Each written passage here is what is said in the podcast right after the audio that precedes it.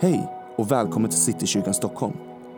Här finner du varje vecka undervisning och predikan som vi hoppas ska hjälpa dig att lära känna Gud och upptäcka allt som han har kallat dig att vara.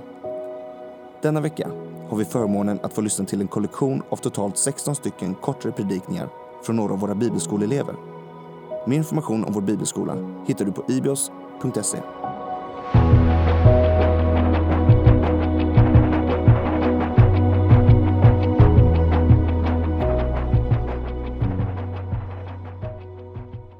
tänkte att jag ska predika utifrån Jesaja 55 och 8 till 11. Så ni får jättegärna följa med mig dit. Eh, och där står det så här. Mina tankar är inte era tankar och era vägar är inte mina vägar, säger Herren. Nej, så mycket som himlen är högre än jorden, så mycket är mina vägar högre än era vägar och mina tankar högre än era tankar.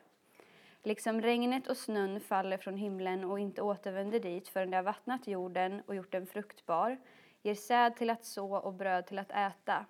Så ska det vara med ordet som går ut från min mun. Förgäves ska det inte vända tillbaka till mig utan att ha verkat det jag vill och utfört det vartill jag har sänt ut det. Eh, det här bibelordet har alltid varit mitt favoritbibelord tror jag. För att det får det lyfter min blick och det lyfter mitt hjärta oavsett omständighet eller känsla. Men inför det här, eller egentligen hela vårterminen och inför den här predikan så har Gud målat bilden av det här bibelordet mycket större och han har dratt linjerna längre. För om man backar tillbaka i, i Jesaja eh, så handlar det om mycket om återupprättelse av Jerusalem, eller Sion som det står om. Eh, Sion har blivit förstört av romarna men Eh, genom Jesaja så profeterar Gud om dess återupprättelse och vad han planerar att göra med den här staden, hur han ska återupprätta den. Eh, så att jag tänkte jag skulle läsa några andra bibelverser som liksom hintar om vad Gud planerar att göra. Eh, så i Jesaja 43.18 står det Tänk inte på det som har hänt, bry er inte om det som förr har varit, för jag gör något nytt. Redan nu visar det sig, märker ni det inte? 49.19 står det, ty om du tidigare låg i ruiner och var ödelagd och ditt land var förött ska det nu bli för trångt att bo där och de som fördärvar dig ska vara långt borta. Och i kapitel 54 eh, så är rubriken Sions upprättelse och kommande härlighet och där målar Jesaja upp en jättevacker bild av vad Gud planerar att göra med Jerusalem och hur han ska återupprätta det. Eh, och sen kommer vi då till själva bibelordet som jag började med att läsa. Och jag tänker att Framförallt om vi börjar med att titta på den sista delen av det. Det står förgäves ska inte mitt ord vända tillbaka till mig utan att ha verkat vad det vill. Det blir som ett löfte på det som Gud har profeterat. Att det blir ett löfte på hans löften. Um, att han har lovat massa saker som han ska göra med Sion och här lovar han också att han kommer att uppfylla det och att det kommer att bli så. Och jag tänker att, eller för mig har ju det här året i alla fall varit som en slags upprättelseår. Och det kanske det har varit för många av oss på olika sätt, för att vi är olika. Ehm, men jag vet i alla fall att han, Gud har talat till alla oss på olika sätt. Han har gett oss alla olika löften. Ehm, han har gett oss hintar om vad han vill göra med oss och i oss och med våra liv. Och vi har alla fått ord profeterade över oss. Ehm, och som sagt, vi är alla olika och vi, har alla, vi är på olika ställen i vår process med Gud. Men men han har alla gett oss luften för att dra oss närmare honom och göra oss mer till dem som han skapade oss till att vara. Precis som i Sion så vill han återupprätta oss och göra oss till dem han skapade oss till. Och det kan vara väldigt svårt att tro på de här lufterna för att man ser det inte än. Men då tänker jag att den här delen av Jesaja, det blir som ett löfte på att, att det kommer att bli så. För att Gud, Guds ord har utgått från hans mun till oss. Och här säger han att det ska inte återvända förrän det har uppfyllt sitt syfte. Så att vi kan våga tro på det som Gud har lovat oss. Eh, och för att återkoppla till de andra bibelorden jag läste så blir det det här, se jag gör något nytt, att Gud hintar om det nya han vill göra inom oss. När, ja, när han talar till oss. Eh, sen fastnade jag också vid den versen som säger eh, att hans ord inte ska återvända förrän det har vattnat jorden, gjort den fruktbar och ger säd till att så och bröd till att äta. Och jag tänker, det slutgiltiga mål, det är ju att Guds ord ska, ska göra det som det säger att det ska göra. Det är liksom Ja, men det är det målet, att det ska gå i uppfyllelse och då blir det fruktbärande, för det är alltid Guds ord. Om andra människor får bli välsignade av det. Men eh, det är också en process. Och för att återkoppla till Sions återupprättelse så stod det om du tidigare låg i ruiner. Och jag tänker att Gud kan inte bara börja plantera kanske i någonting som är helt ruinerat. Utan du måste först, han måste först vattna oss med sin kärlek för att han sen ska kunna börja plantera i oss, för att vi ska kunna växa, för att det ska kunna ge skörd och till sist ja, så kan han skörda i oss och det ger bröd till att äta till, som andra människor får ta del av. Um, och då kommer vi till det sista bibelord, eh, bibelordet som jag kanske glömde att läsa. Men då, det stod i alla fall att eh, innan så säger, säger, han, säger Gud att spänn ut tältdukarna och utvidga platsen för din boning. Att när vi kommer till den platsen när Gud har gjort något i oss och det har kommit till uppfyllelse så så kommer han sända människor till oss som vi får välsigna med det som han har gjort i oss och då behöver vi utvidga platsen för vår boning för att ja, han kommer sända människor till oss. Men det är liksom en process, Guds ord i oss och det han lovar oss. Precis som med Sion. Ehm.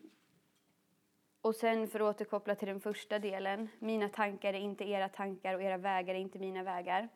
I min bibel så eh, hänvisar den, den versen till Jeremia 29.11. och där står det, jag vet vilka tankar jag har för er, säger Herren, nämligen fridens tankar och inte ofärdens för att ge en framtid och hopp. Så alla Guds tankar för oss är frid. Så alla hans ord till oss, alla hans löften till oss kommer att resultera i frid och leda till frid. Och frid är en översättning av det hebreiska ordet shalom och det betyder fred, fullständig välsignelse och att vara hel.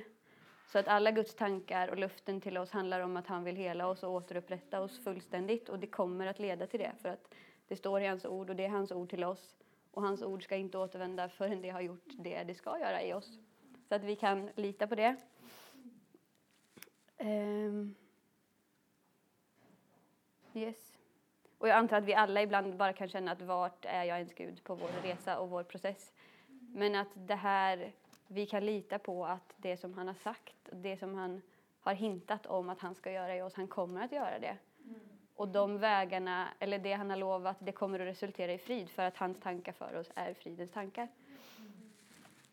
Mm. Så oavsett vad vi är på vår process med Gud så är hans plan att fullborda det som han har börjat, det verket som han har börjat i oss. Eh, och det står också i Filipperbrevet 1 och 6 att jag är övertygad om att han som har påbörjat ett gott verk i er också ska fullborda det intill Jesu Kristi dag.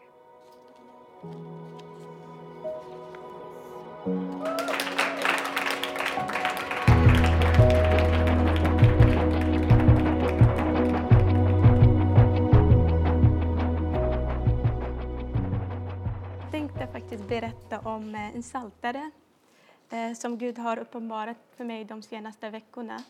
Och det är Psaltaren 115, eh, vers 1. Och det står så här.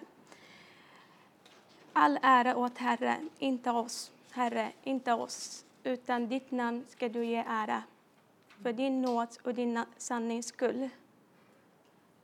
Den här saltaren kommer vara bra att komma ihåg att den salt sjöngs på påsken då det är när Gud, Jesus tog första nattvarden med sina lärjungar innan han skulle eh, på vägen till korset. Och därför kom bärden ett förhållande till frälsningen från Egypten. Eh, börden av det verkar av en bön av den levande guden som hade varit så bra, om ni vet berättelsen om Röda havet där han kom och ändrade allting och även vid Jordanien eh, som folket i den här salmen vill återigen få sitt eget hans namn, visa sin underverk för dem och förvandla deras eh, situation de lever i. Och därför de ropar till Gud, inte oss Herre, inte oss, men till ditt namn ge ära.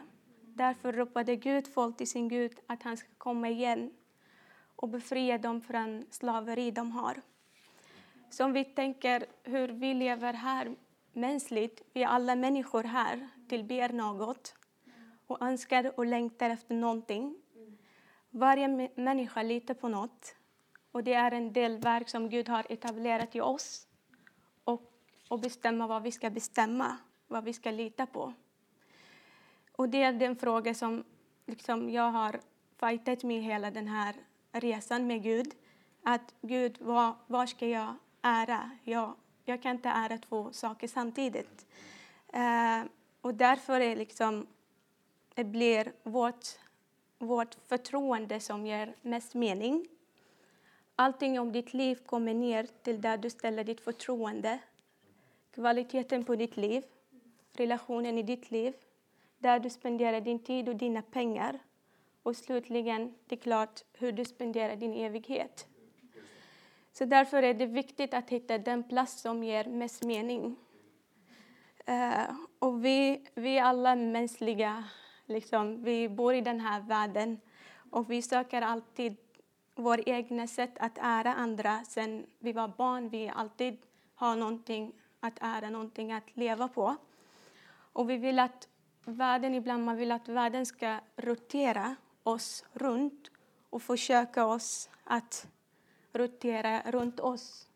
Men varför sätter vi inte Jesus och roterar vårt liv runt honom och sätter honom i, i centrum istället för att vända tillbaka och fram och tillbaka hela tiden. Men då är det på grund av hans kärlek och hans nåd och sanningen som bor i oss som har gjort att vi, vi lever för honom och inte något annat. Eftersom det är en godhet i Gud och att du inte kan hitta det någon annanstans oavsett om du din desire för någonting annat du längtar efter. Men det är en godhet i Gud som du inte kan hitta någon annanstans. Och det är en godhet som du skapat till tills du smakar den och fortsätter att leva med det. Upplever du denna kärlek varje dag med honom på grund av hans trofasthet. Och det, är liksom, det är vad som händer i vårt liv när vi roterar. Ibland kan vi rotera runt saker som vi glömmer bort att, vi, att Jesus är i centrum. Som exempelvis så är det exempel jobb. Det, alla vill ha jobb, alla vill jobba. Vi försöker ibland placera vårt arbete i mitten.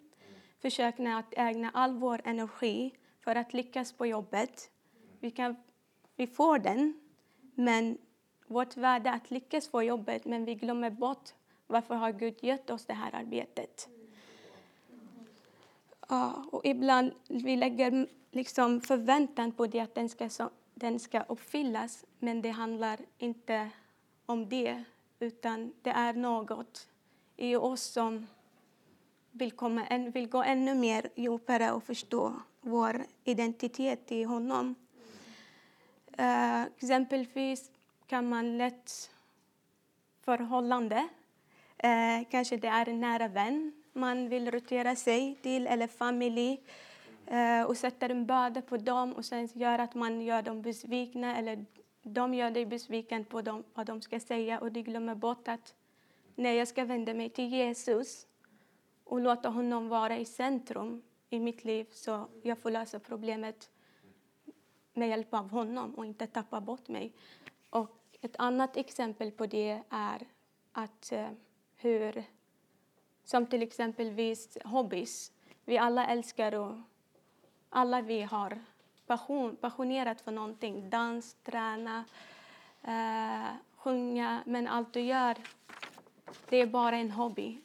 Du försöker hitta den desire i den, mening i det. Men det är bara till slut kommer du på något sätt slockna. Du kommer, du kommer känna att jag är, jag är någonstans. Jag är inte, du känner sig vilse i den här världen på något sätt. Eh, och därför lever vi inte för vår ära, eller min ära eller någon annans ära. Vi lever för den enda som är värdig, värdighet Jesus. Och det, är, och det går samtidigt inte och jämföra eller ära två saker samtidigt. Det har jag också varit med om. Men att Gud bara... Nej, du kan inte, det går inte att du ärar mig och ära andra saker samtidigt. Så eftersom då kommer den här blickpunkten att bli människor istället för att Gud får äran för att han är i centrum i mitt liv och i, i folket även ute i samhället som de kämpar för att veta vad deras eh, längtan längtar och kunna veta vem de är. Mm? Det var det jag tänkte. Jag vill komma och prata mer. Men...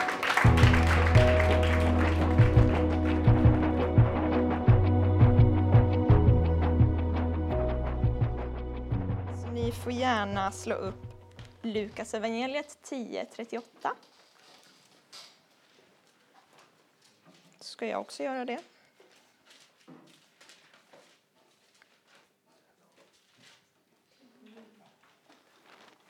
Eh, medan det var på väg gick han in i en by, han är alltså Jesus, och en kvinna som hette Marta bjöd honom hem till sig. Hon hade en syster vid namn Maria som satte sig vid Herrens fötter och lyssnade till hans ord. Marta tänkte på allt hon hade att ordna med. Hon kom och ställde sig framför Jesus och sade, Herre, bryr dig inte om att min syster låter mig ensam ordna med allt. Se åt henne att hjälpa till. Herren svarade henne, Marta, Marta, du gör dig bekymmer och oroar dig för så mycket, fast bara en sak behövs. Maria har valt det som är bäst. Det skall inte tas ifrån henne. Eh, jag har inte jättemycket bakgrund till det här. Eh, de systrarna är inte jätteomtalade. Men den här byn som de bor i är i alla fall Betania står i Johannes evangeliet kapitel 11. Och Jesus är på väg till Jerusalem för tiden var inne för honom att korsfästas. Så han tar en liten mellanlandning i Betania. Eh, I min översättning så står det att Marta bjöd in Jesus till sig. Eh, men i vissa andra översättningar så står det tog emot, vilket ordet också kan betyda. Och jag tänker att det alltså, spelar ganska stor roll. För jag tror att det är många kristna som tänker att det är deras ansvar att hitta Jesus, att han gömmer sig och han är otillgänglig och vi ska liksom springa runt och leta rätt på honom. Eh, men det var ju faktiskt Jesus som gick in i Betania.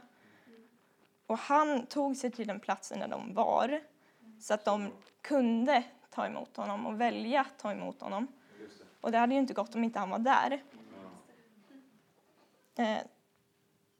Ja, så att, och det gäller ju samma sak för oss. Att han är där så att vi kan välja att umgås med honom.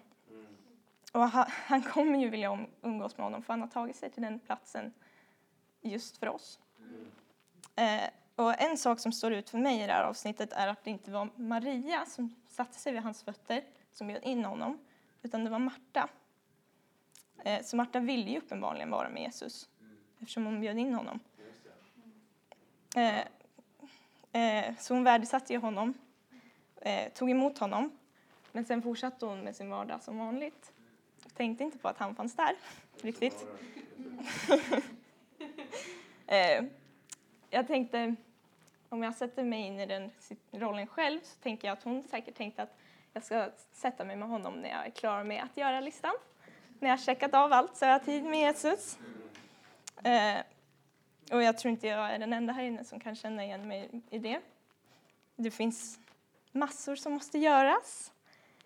Eller måste göras. För Jesus sa att bara en sak behövs. Och det var det som Maria valde. Eh, hon valde Jesus.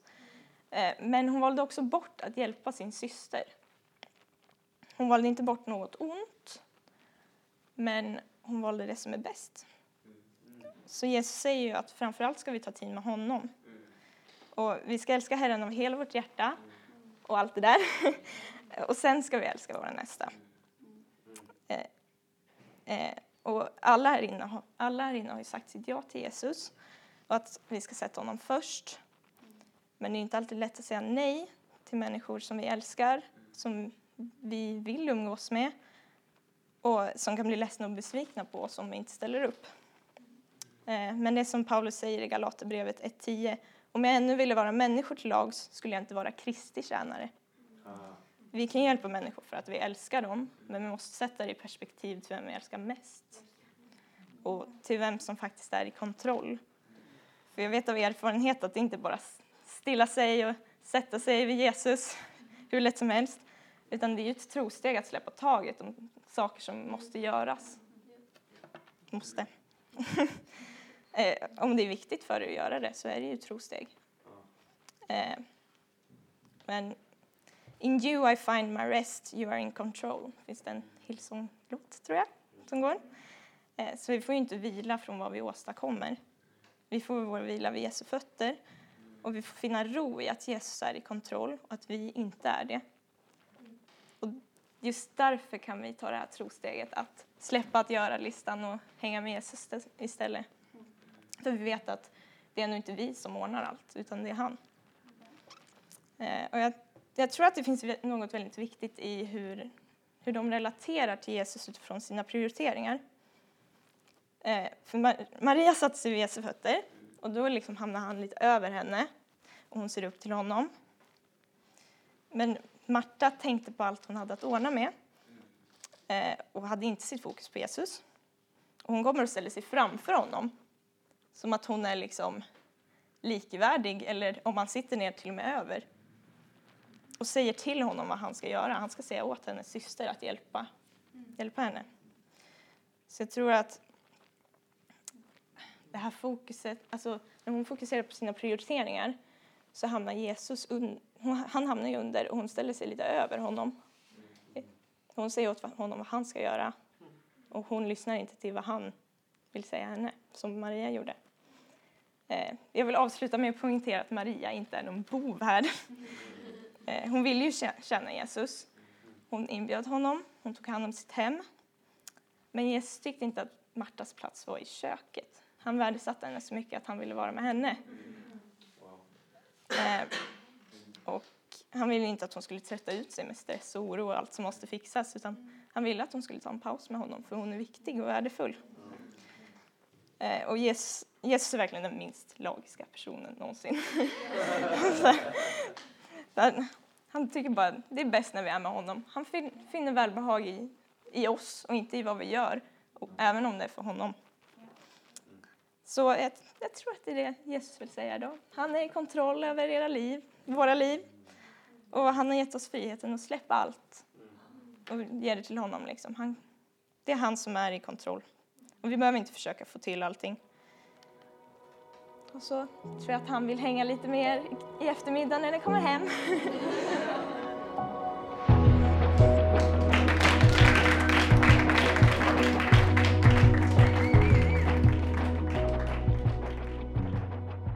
Ja, den som vill kan följa med till eh, Apostlagärningarna kapitel 16, vers 25 34.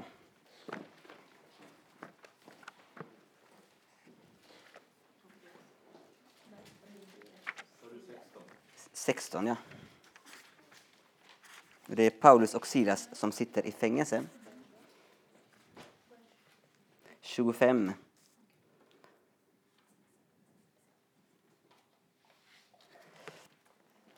Mm. Runt midnatt satt sedan Paulus och Silas och bad och sjöng lovsånger till Gud medan de andra fångarna lyssnade. Då kom det plötsligt ett jordskalv som var så kraftigt att fängelset skakades ända ner i grunden. I samma stund flög alla dörrar upp och kedjorna föll av fångarna.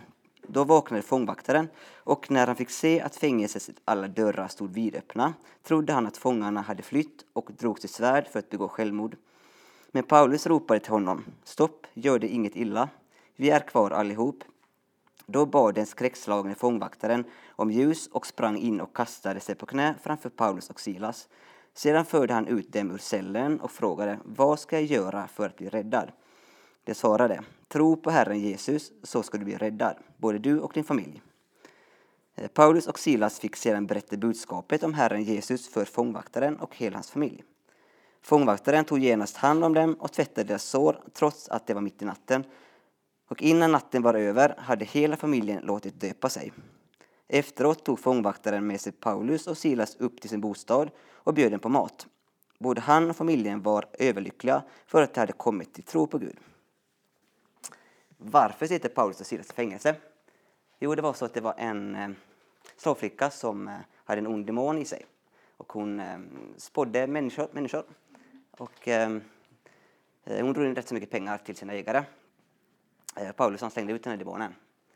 Och när ägarna såg att de inte kunde tjäna pengar på henne längre så blev de kastade i fängelse. Men vad gjorde Paulus och Silas då? Var de rädda eller ledsna? Nej, det var de inte. De, de satt och bad och sjöng lovsånger. Och alla fångarna, de, de lyssnade till dem. Då. Och plötsligt så började så började jordbävning. Eh, fängelset skakade. Alla kedjor de hade de ramlade av. Dörrarna flög upp och de, de blev fria. Eh, fångvaktaren blev ju rädd för han trodde att Nej, men nu har ju alla flytt. Men det, de var ju kvar. Och det slutade med att både fångvaktaren och hela hans familj blev frälsta och döpta. Så vad kan vi lära oss av detta? Jo, att oavsett omständigheter, eh, var, var än vi är, så, så vill Gud använda oss. En, till och med sitter fastkedjade i ett fängelse, så, så vill han... Det finns alltid någon som vi kan vittna för. Um, men det finns ett, eh, ett budskap till. Um, när, eh, när fängelset skakade och de blev fria så påminner det mig om en annan händelse. Är det någon som vet vad jag tänker på? När Jesus dör på korset. Exakt. Eh, för samma stund som Jesus dör, då skakar marken. Och eh, vi blir förlåtna och eh, fria. Fångarna som satt i fängelset, det, det, det, representerar oss alla. För alla här har någon gång suttit i ett fängelse. Och jag tänker inte först på ett fysiskt fängelse, utan ett fängelse i oss själva. Själsligt eller andligt, vi kanske har en synd som gör att vi inte kan leva i frihet. Men när vi ber om förlåtelse så blir vi frisläppta Eh, precis som, som eh, de blev fria i fängelset. Då. Eh, jag själv satt fast i ett fängelse för några dagar sedan. All, all glädje och frid som jag brukar känna, den, den fanns inte där. Det fanns liksom ett motstånd, jag ska liksom lovsjunga. det var något som var fel kände jag. Och då insåg jag att jag, jag hade betett mig väldigt illa mot en god vän till mig. Jag hade varit väldigt självisk och nästan kört över honom. Men när jag bad om förlåtelse både till honom och till Jesus så var det som alla kedjor bara ramlade av mig och all frid och glädje bara alltså, flödade tillbaks. Alltså befrielse. Så än, än en gång så blev jag liksom påminn över kraften i förlåtelsen. Har du ett amen på det? Yes.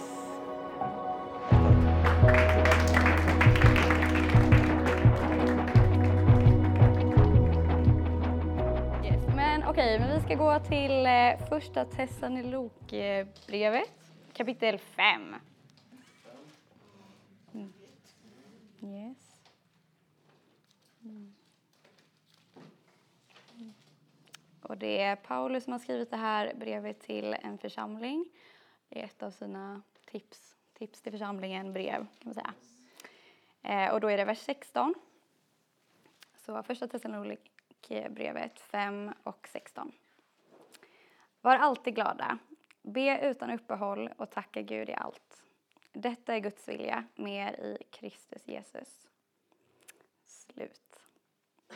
Så, som sagt så tycker jag det här suger, men jag tänker tacka Gud ändå och försöka göra det här glatt och trevligt, även fast, även fast det här inte är någonting jag tycker om.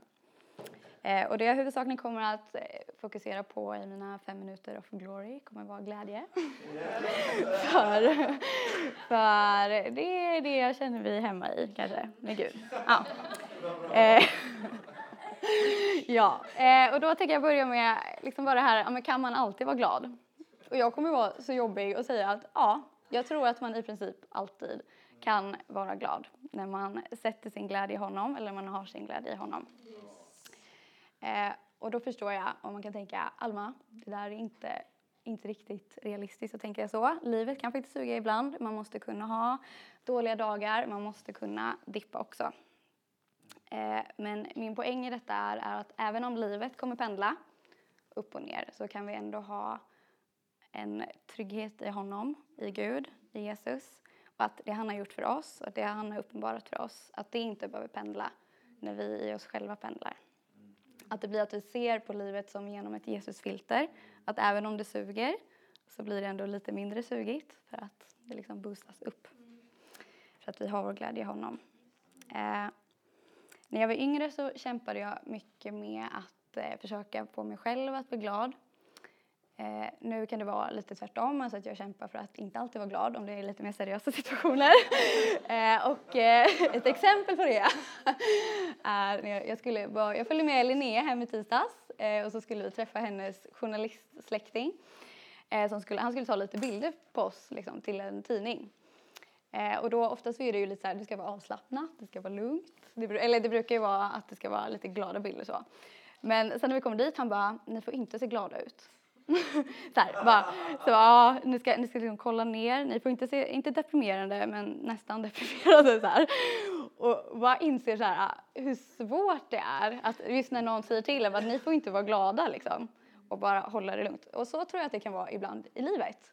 Att människor runt omkring, omständigheter, att man inte tillåts, om ni förstår vad jag menar, att vara glad. Även om det är Jesus som har gjort en glad. Eh, precis. Eh, och innan Jesus gjorde mig glad så pressade jag mig som sagt oftast mig själv till att göra mig glad, alltså egen kraft. Och när jag läste bibelord som detta, att man alltid skulle vara glad, så kände jag liksom press. Alltså man fick inte ihop det, för jag var inte glad, alltid. Och var bara, det var bara jobbigt, liksom. Och blev framtvingat och inte äkta. Eh, men den stora skiftningen kom när jag under en period väldigt desperat sökte Gud och sökte hans hjärta. Och det var inte så att jag sökte glädjen i sig själv, men att jag sökte honom. Och jag verkligen på ett konkret sätt fick uppleva hur han lyfte mig, hur han styrkte mig och hur han liksom, ja, hjälpte mig helt enkelt. Och då kunde inte jag förneka att han var där och att han hjälpte mig. Och det gjorde att jag hamnade i en position av att vara tacksam, en position av att vara glad som jag helt enkelt inte kunde förneka. Eh, det blev som att han gav en bieffekt som var glädje. Mm. Eh, jag tänker också på det som står i bibelordet om tacksamhet. Eh, just det att jag tror att tacksamhet och glädje hänger ihop på många sätt. Alltså det är svårt att vara tacksam utan att bli glad och det är svårt att vara glad utan att vara tacksam. Mm. och sen tänker jag också att det med Gud, alltså att det är Gud som måste öppna våra ögon för att se allt det goda han har för oss. Och när vi ser det som är goda då blir vi tacksamma och därigenom blir vi glada. Mm. Eh, och det jag talar om är alltså som en grundglädje. Att han har förvandlat mitt liv och att det är en skillnad. Det är någonting som måste synas. Att det är ingenting som jag borde kunna dölja genom att... Alltså det borde inte gå att dölja helt eftersom det är på riktigt, tänker jag. Och just det att vi är kallade att vara ljuset i mörkret. Och att även fast ibland att man kan vara... Ljus kan ju vara lite jobbigt, typ. Eller vet inte. att det kan så här, sticka i ögonen på folk. Men att jag tror att det är viktigt att aldrig sätta den här skeppan över ljuset. Liksom att aldrig gå tillbaka och kliva tillbaka och säga att ja, jag, jag behöver inte vara glad. Utan att man ändå kan visa sin genuina glädje, glädje i Gud. För att jag tror att det är det som attraherar andra människor till att ha det vi har. Eh, och jag pratade med min eh, anti-Jesus gymnasiekompis igår. Eh, och hon, hon är sån här som aldrig, hon, har aldrig, hon ställer aldrig frågor. Hon vet liksom vilka ämnen man inte ska gå in på för att man inte vill ha igång Alma. Liksom. eh, men att till och med från henne, eller för nu öppnade hon upp sig väldigt mycket igår. Och till och med för henne så är det väldigt tydligt att hon bara, ah, men alltså ni är ju gladare än andra människor. Alltså det är ju någonting speciellt. Och just att det till och med väcker uppmärksamheten hos en tjej som henne, liksom, som inte vill se det. För så är det faktiskt. Ehm, ska vi se. Och jag tror också att glädjen är något som vittnar om det som ligger framför och himlen. Och jag tänker det liksom evangeliet, alltså det är det glada budskapet. Och liksom just hur det bara får genomsyra våra liv. Eh, och jag tror verkligen att det är en fullständig lyckohype i himlen. Och jag tror att det är det vi får en försmak på när vi lever nära Gud. Eller har möjlighet att få en försmak på i alla fall. Ja, och det är därför inte så konstigt att vi blir glada ibland som kristna. Så. Eh, och det, det, ska vi inte skämmas över. Eh, men också inte, inte känna press över. Utan det är någonting som vi måste lita på är på riktigt och kan komma inifrån. Klar.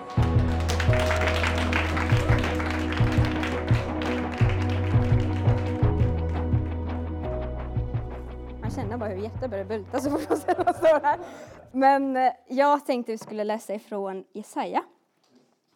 Kapitel 6, vers 8. Och det står, och jag hörde Herrens röst. Han sa, vem skall jag sända och vem vill vara vår budbärare? Då sa jag, här är jag, sänd mig. Och om, man, om vi kollar på vad som hände liksom precis innan eh, Gud ställde den frågan till Jesaja så hade Jesaja precis fått se Gud i, i en vision i liksom all sin härlighet sitta på sin tron. Och man ser liksom, han har han fått se liksom hur seraferna får, liksom, på något sätt omringat honom och lovordat honom och, och ropat liksom helig, helig är Herren Sebaot. Och serafer är liksom tydligen de högst rankade änglarna som eh, uppvaktar Gud när han står på sin tron. Och det första jag säger tänka på liksom är oj, det är kört för mig. Jag är en syndare som har fått se Gud. Jag ska bara falla ner och brinna till döds. tänker han. Och då kommer ju en av seraferna säga nej, det är inte alls så, utan du är, du är renad, du är förlåten och dina synder är renade. Och han får prata med Gud, han får tala med Gud, han får lyssna till Gud. Och, och Gud ställer denna fråga till honom. Vem ska jag sända och vem vill vara min budbärare? Och jag tror inte att Gud ställer den frågan för att han inte visste vem han ville sända. Han visste att det var exakt, det var precis Jesaja som han ville sända ut. Men jag tror att han ville ge Jesaja en chans att på något sätt utvärdera sitt liv och säga, men vart står jag i den här frågan? Vill jag vara hans budbärare? Han, vill, han, han fick en chans att utvärdera sitt liv. Och vi ser hans svar, han sa, här är jag, sänd mig. Och Gud kallar sina barn till att vara hans budbärare. Han gör det fortfarande. Men det händer oftast att vi hamnar i en ond cirkel där vi fokuserar på negativiteten i vårt liv och vårt eget världsliga bild av, oss, av vilka vi är. Och vi låter det på något sätt hindra oss från att kliva in i det livet som Gud har planerat för oss. Men vi vet, för det är ett faktum att våra synder har blivit renade på grund av det Jesus gjorde på korset. Precis som Jesaja blev renad från synder av seraferna. Och vi vet att när det verkligen gällde så var Jesaja inte bara redo att anta sitt liksom, utmaning och sitt kallelse, han var villig också. Och jag tänker liksom oftast, jag vill jättegärna vara som Jesaja. Jag vill se längre än mitt eget perspektiv. Jag vill se hela bilden. Jag vill se den som Gud ser. Jag vill liksom stå här och säga, men här står jag i mitt eget bubbla och allting är väldigt liksom, läskigt och skrämmande. Liksom, jag ser Gud stå framför mig och bara med ett, vem ska jag sända? Då vill jag kunna liksom komma fram och säga, här är jag, sänd mig. På något sätt, jag vill säga till honom, liksom, jag förstår vad som kommer hända om jag antar denna utmaning. Jag förstår att jag kommer förlora mina vänner och jag förstår att folk kommer liksom göra narr av mig och folk kommer tro att oh my god, vad, du är en psykopat som tror på en sagofigur. liksom. Och jag, vill, jag, jag vet inte vad som händer när jag verkligen tar det klivet.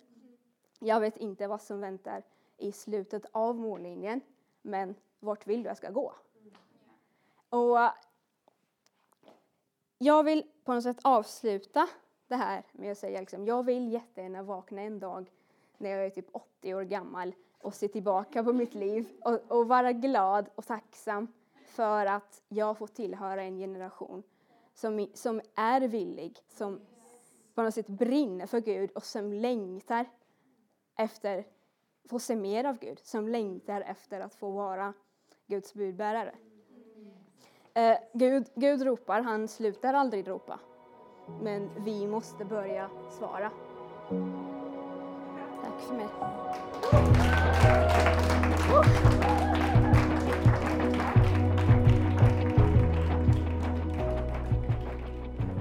Där står det så här. Klä er därför som Guds utvalda, heliga och älskade i innerlig barmhärtighet, godhet, ödmjukhet, mildhet och tålamod. Ha överseende med varandra och förlåt varandra om ni har något att anklaga någon för. Så som Herren har förlåtit er ska ni förlåta varandra. Och över allt detta ska ni klä er i kärleken, bandet som förenar till fullkomlig enhet. Låt Kristi frid regera i era hjärtan, den frid ni är kallade till i en och samma kropp. Och var tacksamma. Um. Så det är en textutläggande predikan som vi skulle ha. Så jag tänkte ge en liten bakgrund bara från vad Kolosserbrevet är. Det är Paulus som har skrivit Kolosserbrevet tillsammans med Timoteus som var hans lärjunge till församlingen i Kolossai som är en stad i Turkiet. Fast det var inte Turkiet då, då hette det Frygien. Um, och i Kolosserbrevet så målar Paulus upp Jesus väldigt tydligt redan från början.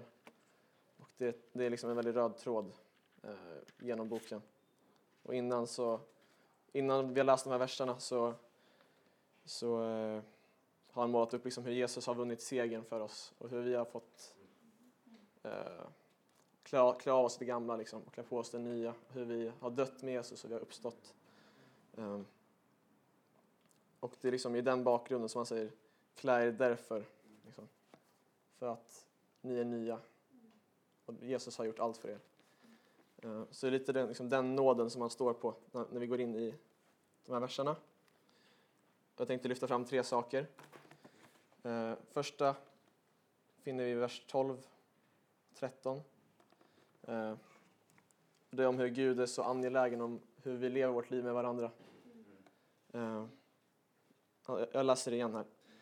Klä er därför som Guds utvalda, heliga och älskade i innerlig barmhärtighet, godhet, ödmjukhet, mildhet och tålamod. Ha överseende med varandra, och förlåt varandra om ni har något att anklaga någon för. Så som Herren har förlåtit er ska ni förlåta varandra.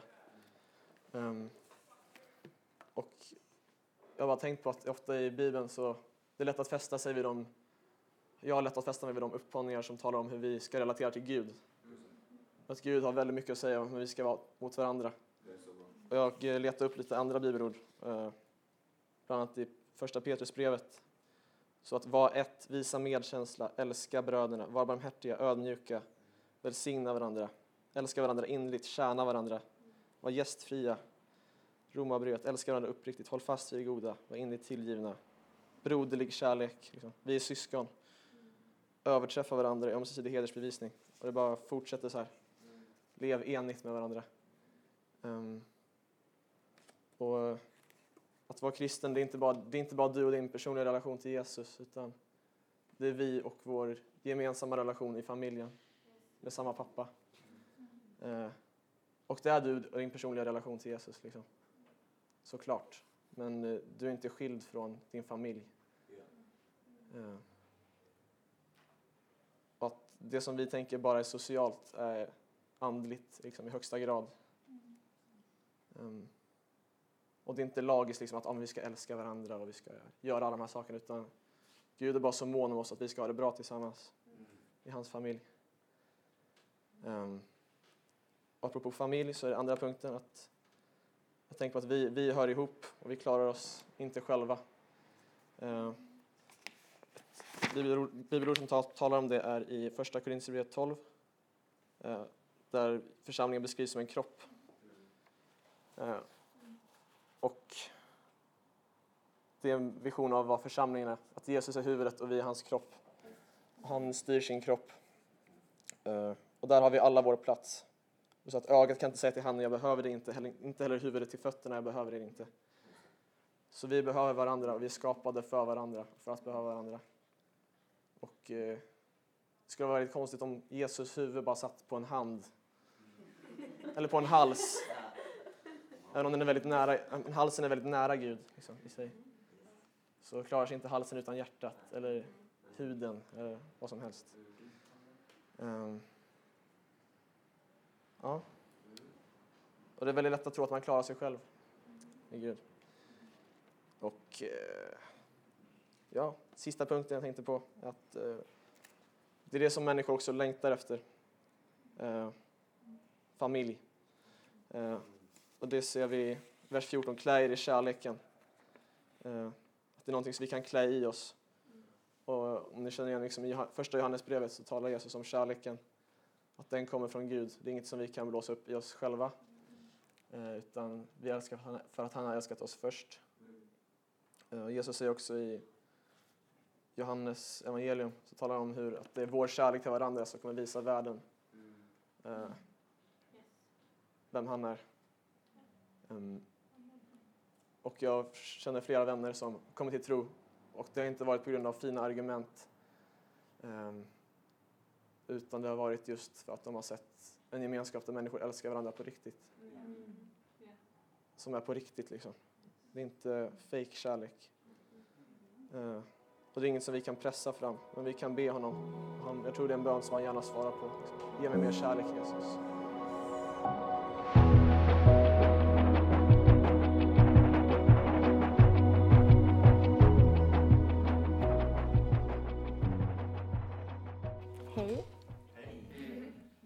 Jag eh, ska predika utifrån första Timoteusbrevet 4 och 12, så ni kan få gå dit med mig.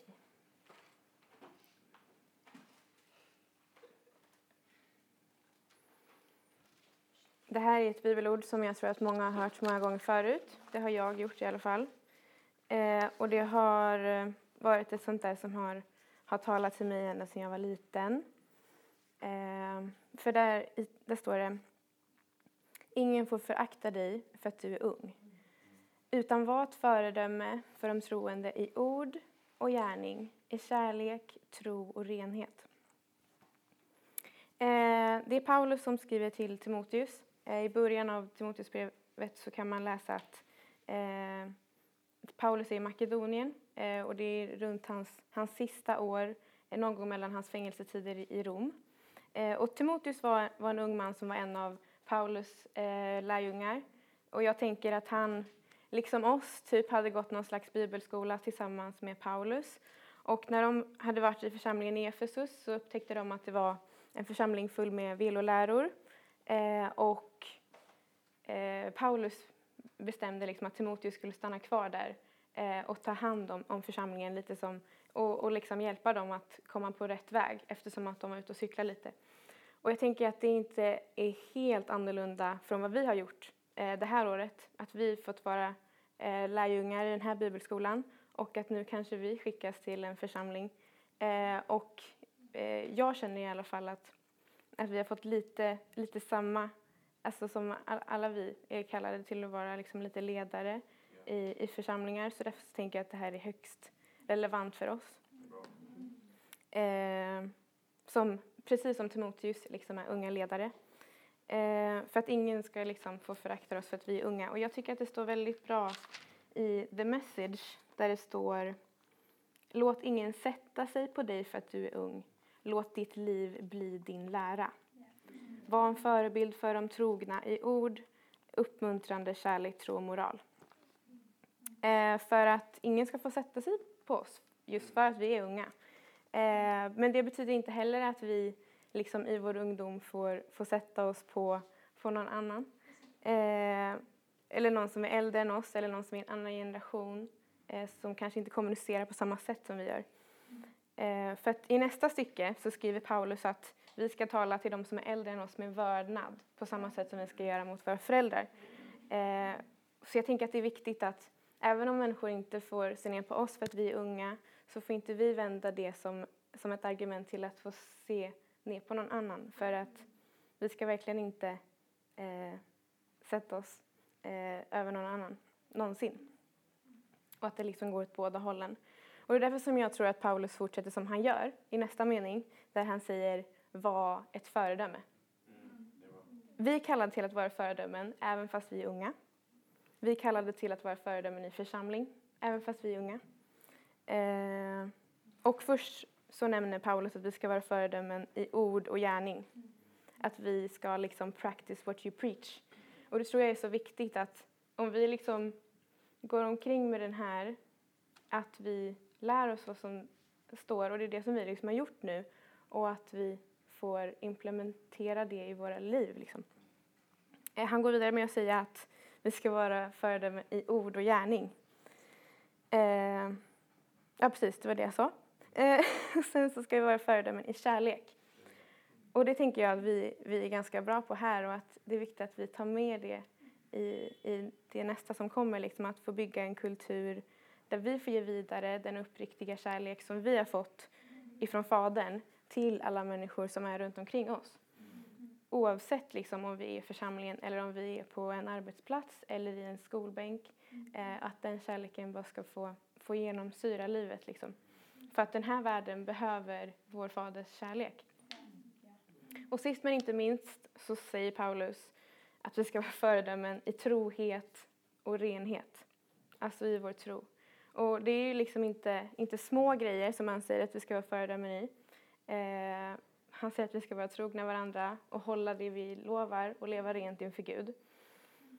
Men eh, i det här bibelordet så utesluter liksom inte det ena det andra, tänker jag. Utan att ingen får se ner på oss, men vi ska också vara en förebild och ett föredöme.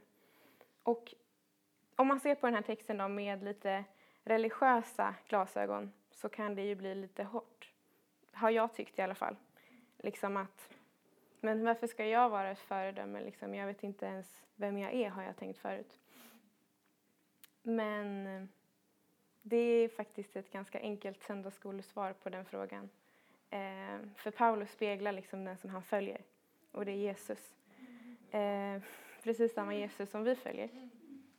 Så liksom på samma sätt som ingen eh, såg ner på Jesus på det sättet så ska ingen få se ner på oss. Eh, och precis som Jesus var ett föredöme så ska vi vara ett föredöme. Eh, det som Paulus menar är att vi ska spegla den vi följer. Eh, och det bästa med det här är att Gud inte, inte lämnar det här liksom överhängande så som ett ok utan att han vill hjälpa oss att bli den människa som han har skapat oss till att vara. Vi behöver liksom inte sträva någonting efter någonting som vi inte är utan när vi bygger den relationen med honom eh, och låter oss formas av honom så gör han oss lika honom. Eh, och när vi blir lika honom blir vi en förebild oavsett vilken ålder vi har. Och jag skulle bara vilja avsluta med att läsa från lite tidigare bibelordet, eller från den här bibeltexten, från vers 11 där det står Detta ska du inskärpa och lära ut. Ingen får förakta dig för att du är ung, utan var ett föredöme för de troende i ord och gärning, i kärlek, trohet och renhet. Fortsätt att högläsa ur skriften och att forma och undervisa tills jag kommer, alltså Paulus kommer. Försumma inte nådegåvan i dig, den som du fick genom profetord när de äldste la händerna på dig. Tänk på detta, lev i detta, så att alla kan se dina framsteg. Var noga med dig själv och din undervisning och håll troget ut med detta. När du gör det frälser du både dig själv och de som lyssnar på dig. Det här bibelordet uppmanar oss till ett tjänande ledarskap. Och jag tänker att vi blir som vi umgås, umgås mer med Jesus.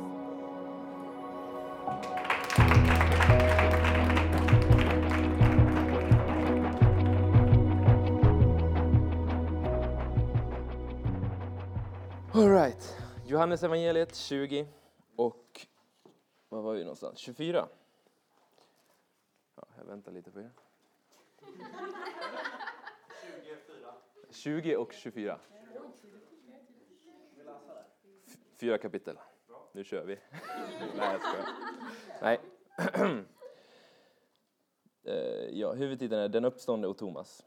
Thomas, en av de tolv, han som kallades Tvillingen, hade inte varit med de andra när Jesus kom. De andra lärjungarna sa nu till honom, vi har sett Herren. Men han svarade dem, om jag inte får se spikhålen i hans händer och sticka mitt finger i spikhålen och min hand i hans sida, så, ska, så kan jag inte tro. Åtta dagar senare var hans, var hans lärjungar samlade igen där inne, och nu var Thomas med dem. Då kom Jesus medan dörrarna var låsta och stod mitt ibland dem och sade, frid vare med er. Sedan sa han till Thomas, kom med ditt finger och se mina händer. Kom med din hand och stick den i min sida och tvivla inte, utan tro. Thomas svarade honom, min Herre och min Gud.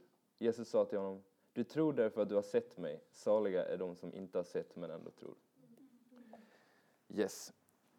Jag var, ja, eh, ja, vi kan dra lite bakgrund då. Det som hänt innan är ju typ att Jesus har blivit korsfäst, han har begravts, han har uppstått, graven var tom. Och nu har de liksom, nu har han besökt dem en gång, lärjungarna. Och det här är andra gången som han är där.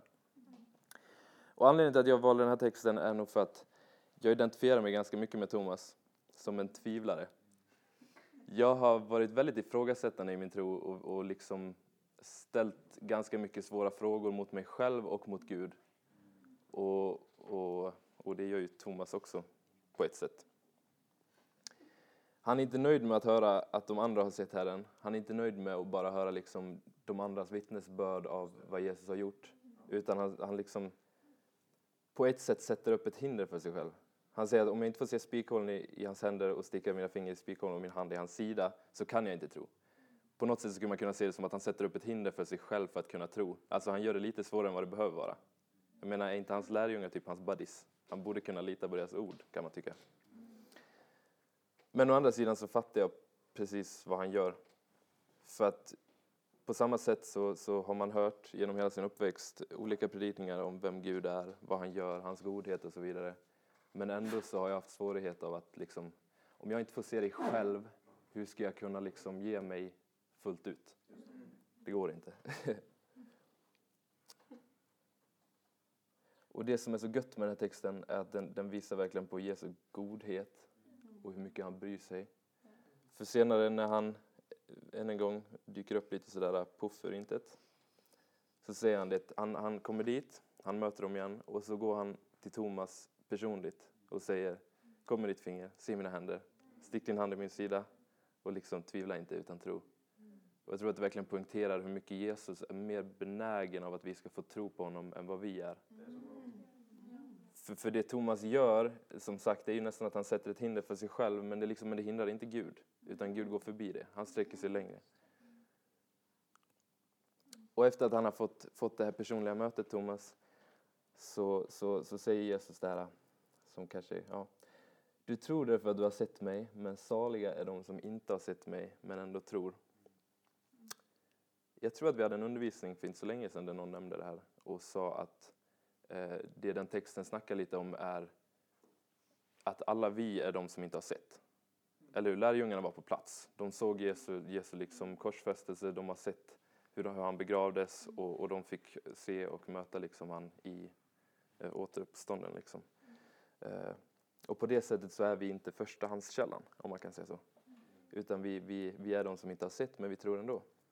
Men sen tror jag också att det kan betyda saliga är de som inte sätter upp hinder för sin, sin egen tro. Saliga är de som inte behöver hindra sig själva. Och där tror jag att vi är väldigt olika. Vissa är mer rationella, vissa är more, mer emotional. Uh, och vi, vi, behöver, vi behöver olika saker för att kunna tro. Och det har med vår bakgrund och allting att göra. Men det, det som är så gött, än en gång, är Guds godhet i det.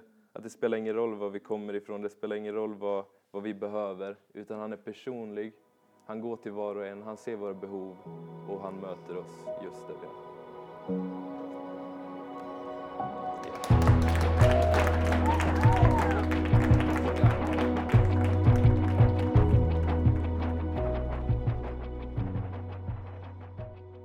Eh, jag har valt psalm 23 eh, och tänker att jag kan börja med att läsa den högt. Eh, Herren är min herde, mig ska inget fattas. Han låter mig vila på gröna ängar, han för mig till vatten där jag finner ro. Han ger liv åt min själ, han leder mig på rätta vägar för sitt namns skull. Även om jag vandrar i dödsskuggans dal fruktar jag inget ont, för du är med mig. Din käpp och stav, det tröstar mig. Du dukar för mig ett bord i mina fienders åsyn. Du smörjer mitt huvud med olja och låter min bägare flöda över. Ja, godhet och nåd ska följa mig i alla mina livsdagar och jag ska bo i Herrens hus för alltid. Eh, och det är David som skriver eh, och han levde omkring tusen före Kristus. Eh, och eh, jag har valt att fokusera på den första, eh, ja, första raden här, Herren är min herde. Eh, för att det är det som det är den bilden som jag har av Gud, det är det som Gud är för mig. Eh, och att det ligger väldigt nära mitt hjärta. Och jag har en, det har alltid, den har fått följa mig i hela mitt, eller i mitt kristna liv. Så jag har den som en belock kring min hals som alltid påminner mig om att, ja. Eh, och den, så därför så är den väldigt personlig och känner att okej, okay, men då är det det som jag ska prata om. Eh, och man skulle kunna säga att resten av salmen på något sätt pekar upp till den första meningen och bara utvidgar betydelsen av den. Eh, och hur, jag tycker det är intressant hur det på så många ställen i Bibeln Gud beskrivs väldigt enkelt med ett ord men hur det rymmer så mycket mer och hur heder kan inbegripa så mycket mer än bara det faktiska ordet. Så jag tänkte att vi kunde kolla lite på vad heder är var, ja, för under den här tiden. Eh, och att vara herde i Galileen då var ju något helt annat än att trippa omkring på blombeströdda ängar. Man har ofta en romantisk bild av att det var så lätt. Liksom. Men det här var ju ganska väldigt utsatt arbete. Och eh, Galileen var ett väldigt kuperat landskap så det var väldigt bergigt. Eh, och de rikaste, den rikaste marken och lättillgängligaste marken var ju redan uppodlad så man var ofta hänvisad som herde till, till klipporna och till kullarna för att finna bete på bergen till, till sin flock. Och det kan också ge en annan förståelse av vad herden gjorde när han gav sig ut för att leta efter det hundrade förlorade fåret. Eh, att det alltid, han, herden utsatte sig alltid för en risk genom att kliva omkring i den bergiga terrängen. Och du utsatte dig alltid för att trampa snett, falla eller bryta dig.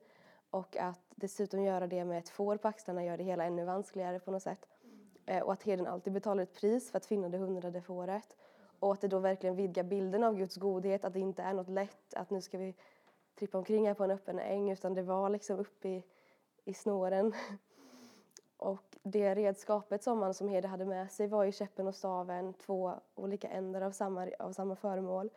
Och det var käppen som var fårens skydd, det som höll fienden på avstånd. Och var fåret på väg åt fel håll så kunde herden svinga med sin käpp för att få det att vända om och komma tillbaka.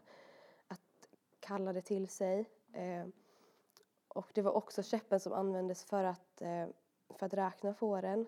Att gå fram under käppen var så mycket mer än bara att stå under någons kontroll eller ledning. Utan snarare kanske ett tecken på att att gå igenom herdens erfarna omsorg och undersökning. Eh, och att ett får som har gått under käppen är ett får som har setts och som har räknats av herden med allra största möjliga omsorg. Eh, och staven är också unik i sitt slag. Om vi vänder på redskapet så får vi fram den sidan. Eh, och det är bara vid fårskötsel som man, har, som man kan använda den. Eh, och den har främst tre uppgifter. Att hålla samman flocken, att dra upp ett får som har trillat och också att dra ett får till sig för att undersöka det. Eh, men det leder också fåret in på rätt stig ehm, och att fånga upp det liksom i öglan om det är så att den eh, faller ner i en skreva. Och det var i det här samspelet som herden levde med, med, sitt, ja, med sin chock med får eh, dygnet runt. Eh, det var hela tiden den här närheten och den intimiteten. Och när Jesus talar om fåren i, foll, i eh, follan så refererar han till en plats där de var, eh, dit de fördes om natten. Och att det inte var en plats som herden stängde en grind till utan herden satte sig liksom i, själv i öppningen och vakade över de fåren hela natten. Eh, och Jesus säger själv att jag är den porten alla måste passera genom för att komma in. Eh, så att det finns hela tiden så mycket referenser. Hela, så. Eh, och jag tycker det är väldigt fint för det är så många ställen i Bibeln som talar just om, om Gud som den rätta herden och som, som vår herde. Eh, och hur han relaterar till oss. Eh, I Hesekiel 34.11 så står det att jag ska själv söka upp mina får och ta mig an dem. Eh, och att det är en väldigt, jag tycker det är en väldigt vacker beskrivning. Jag ska ta mig an dem, jag ska undersöka dem, jag ska känna liksom. Eh, och i Johannes 10.11 så står det jag är den goda herden. Den goda herden ger sitt liv för fåren. Och hur det hela tiden pekar till, till samma princip. Att det finns så mycket i det ordet herde som är Gud.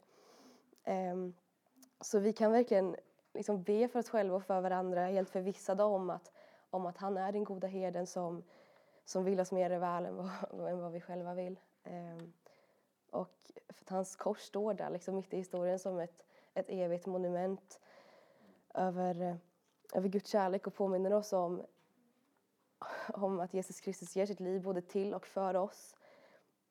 Och att den som följer den goda herden en dag ska komma fram. Eh, att vissa dagar är dagar vid gröna ängar eh, och vid lugna vatten, dagar med vila och dagar med, med ro. Men andra dagar är dagar i mörka dalar och kanske till och med i möte med fiendskap. Men Gud är fortfarande den som har riktning och den som leder oss. Och att målet faktiskt är viktigare än vägen många gånger. Eh, och att den som stannar kvar hos Gud, den som följer honom dag för dag, ska en gång ska en dag stå vi där och ska komma fram och Guds nåd och godhet har då följt oss och följer den som följer Gud. Att ställa sitt liv under det, det hederskap som ändå är Guds ledarskap. Eh, och komma hem till Herrens hus till evig vila och glädje och till livets fullbordan. Och som första Thessaloniker 4.17 säger så står det och sedan ska vi alltid vara hos honom. Och att hur viktigt det är att inte glömma bort det. Och det är det som, den, som psalm 23 avrundas med här att ja, godhet och nåd ska följa mig alla mina livsdagar och jag ska bo i Herrens hus för alltid.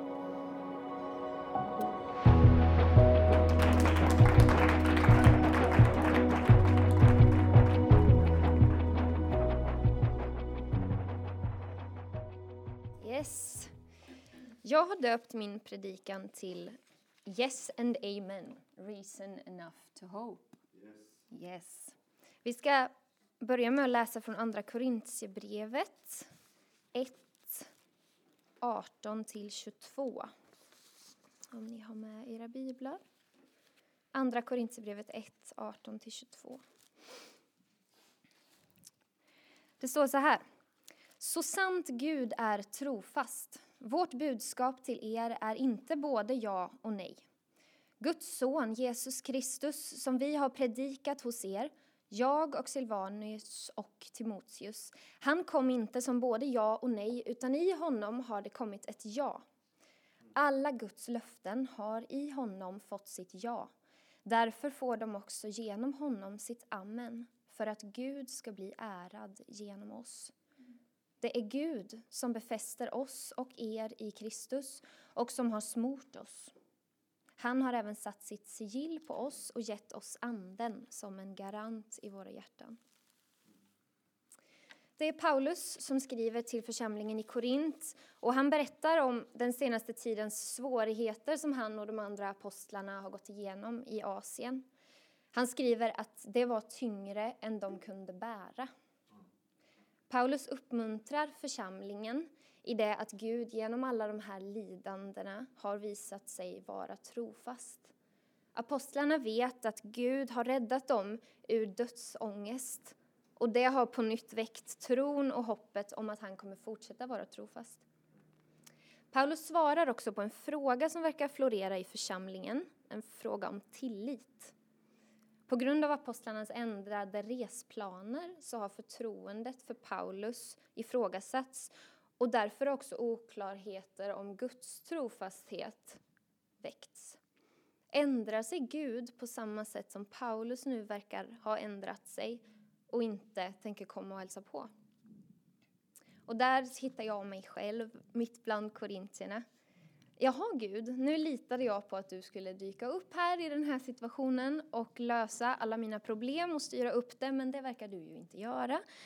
Och så börjar jag tvivla och ifrågasätta Guds godhet och så klampar jag iväg. Vi blir så lätt vingliga i vår tillit till Gud när han inte gör saker på vårt sätt eller i våran tid. Men Paulus han gör det solklart. Gud är trofast.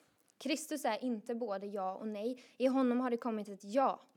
Han säger i vers 18 att så sant Gud är trofast. Vårt budskap till er är inte både ja och nej.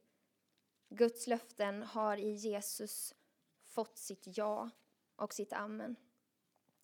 Det är intressant hur Gud alltid tar sig själv som garanti och kvitto på att hans ord är sant. Uppfyllandet av alla löften Gud ger har med honom själv att göra. När Mose är osäker på sin egen förmåga så säger Gud Jag är och jag går med dig. Det är anledning nog, it's reason enough, för Mose och oss att tro och hoppas. För alla Guds löften är ja och amen, för att Gud är allt det han utger sig för att vara. Jag har kollat upp ordet amen och det proklamerar Guds totala självtillräcklighet.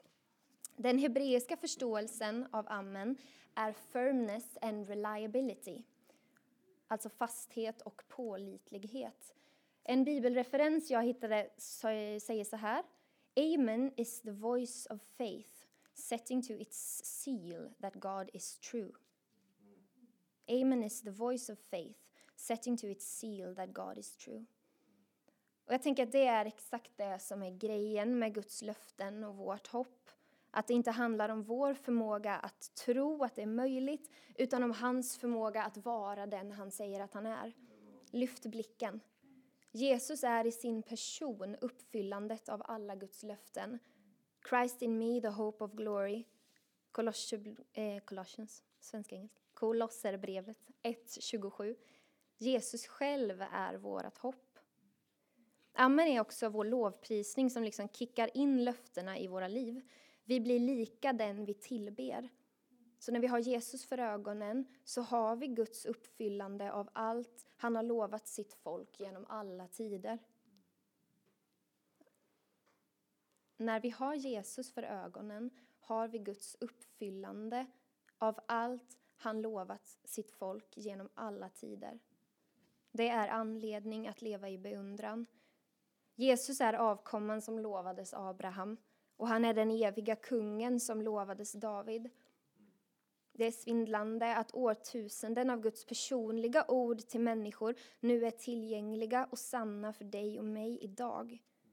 Hur är det möjligt? för att Gud är densamme. Han har aldrig lovat någonting som, går, som inte går i linje med hans person. Han förändras aldrig, han är trofast. Och alla hans löften är ja och amen, nu och för alltid i Jesus Kristus. Om han säger att han är det han är, så är han det. Men i varje löfte finns också en inneboende väntan. Vi läser om Abraham, och väntan verkar finnas där for the sake of relationship. För Guds längtan är alltid att dra oss in i tillit, och för tillit krävs närhet, och det är det vi är skapade till. Så i perioder av väntan är det enda vi kan göra att hålla oss nära Guds hjärta. Vi har vad Abraham inte hade. Vi har uppfyllelsen av löftet. För vi lever med Jesus och vi har den helige Ande. Och så vi har tillgång till intim närhet och relation med guden som kallade Abraham ut ur tältet och bad honom titta på stjärnorna. Hoppet är här, löftet är här. Att lita på Gud när det inte känns så härligt och lätt är att välja att stå på det jag vet är den verkliga verkligheten oavsett omständigheter och känslor. Guds ord är sant. Jesus är sann. Han är vårt hopp. Han är trofast. Att leva i tillit är att kroka fast ögonen i Jesus och se honom som han är. Se hoppet som han är. Se löftet som han är. Han är sann och för evigt trofast. He's never gonna let us down because he's good. Det är vem han är och han är anledning nog för oss att hoppas. Så vi väntar här på dig som är löftet. Vi väntar här med dig som är hoppet. Allt handlar om Jesus.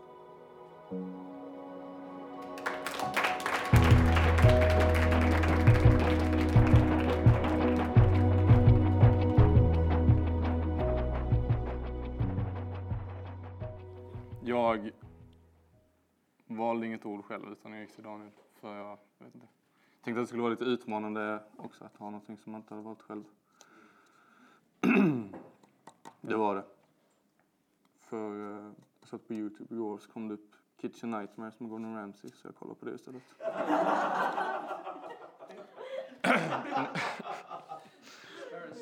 Men... Uh,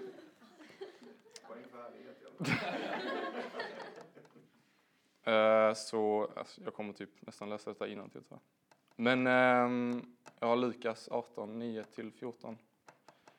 Det är farisén och tullindrivaren. Jag, typ inte, jag tror inte jag har hört någon predikan på detta innan. Så det var rätt så, jag vet inte, typ nytt ord. Um, det är när de är på väg, innan de kommer till Jeriko, de är på väg till eh, Jerusalem och eh, typ det vi kallar palmsöndagen idag. För några som var säkra på att de själva var rättfärdiga och som föraktade... Ska jag ta det på engelska? Fattar ni skånska? För några... Jag får nu... Fattar du? Jag fattar svenska, men om du talar tydligt.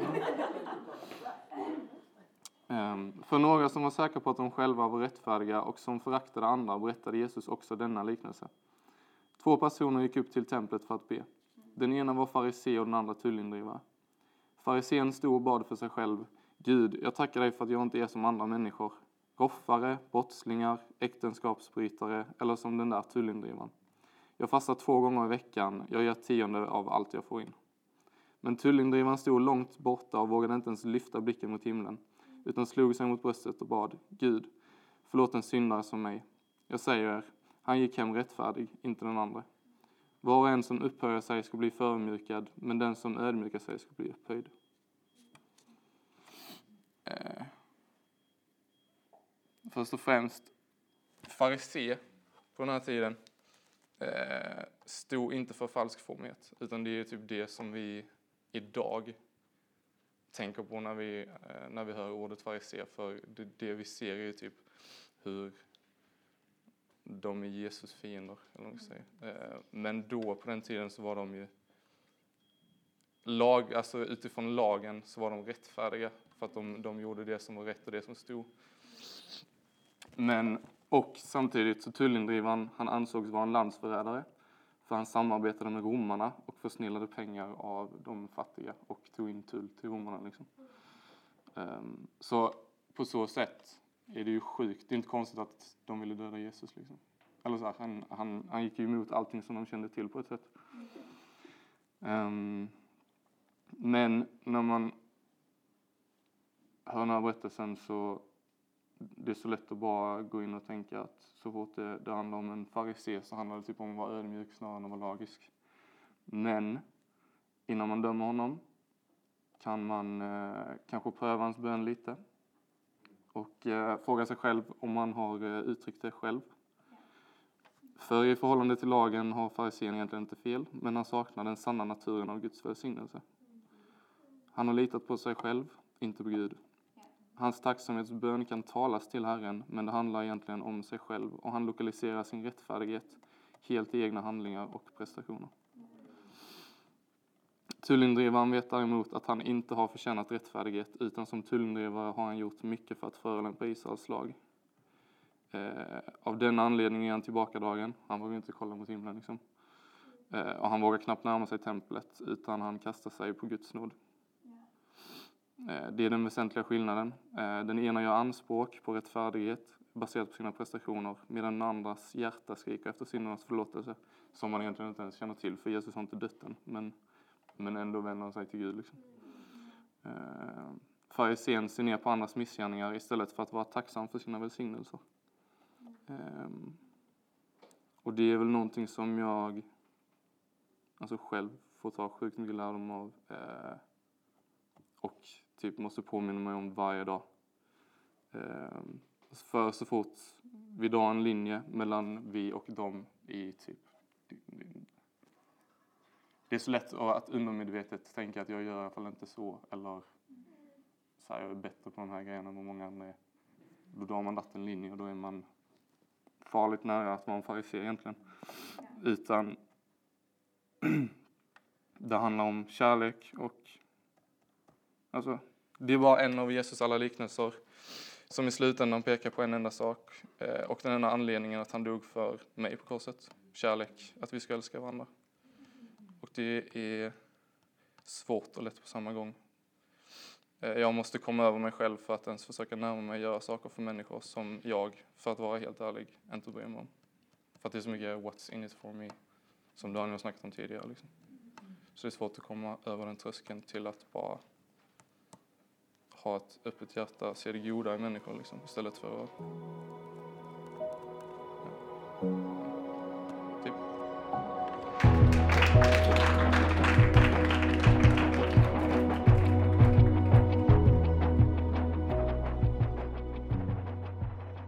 Eh, jag tänkte utgå från en text i första Korinthierbrevet kapitel 15, vers 9-10. Eh, jag kan berätta bakgrunden lite först på bara kapitlet. Att eh, Paulus berättar om uppståndelsen och eh, vilken kraft det har. Och sen går han in på vilka som har sett Jesus levande. Och sen till slut går han på sig själv också. Och då bara får man se en liten glimt av Paulus resa från farisén till den, han som växte upp och byggde alla kyrkor, missionären. Så jag ska bara läsa. Ty jag är den ringaste av apostlarna. Jag är inte värd att kallas apostel, eftersom jag förföljt Guds församling.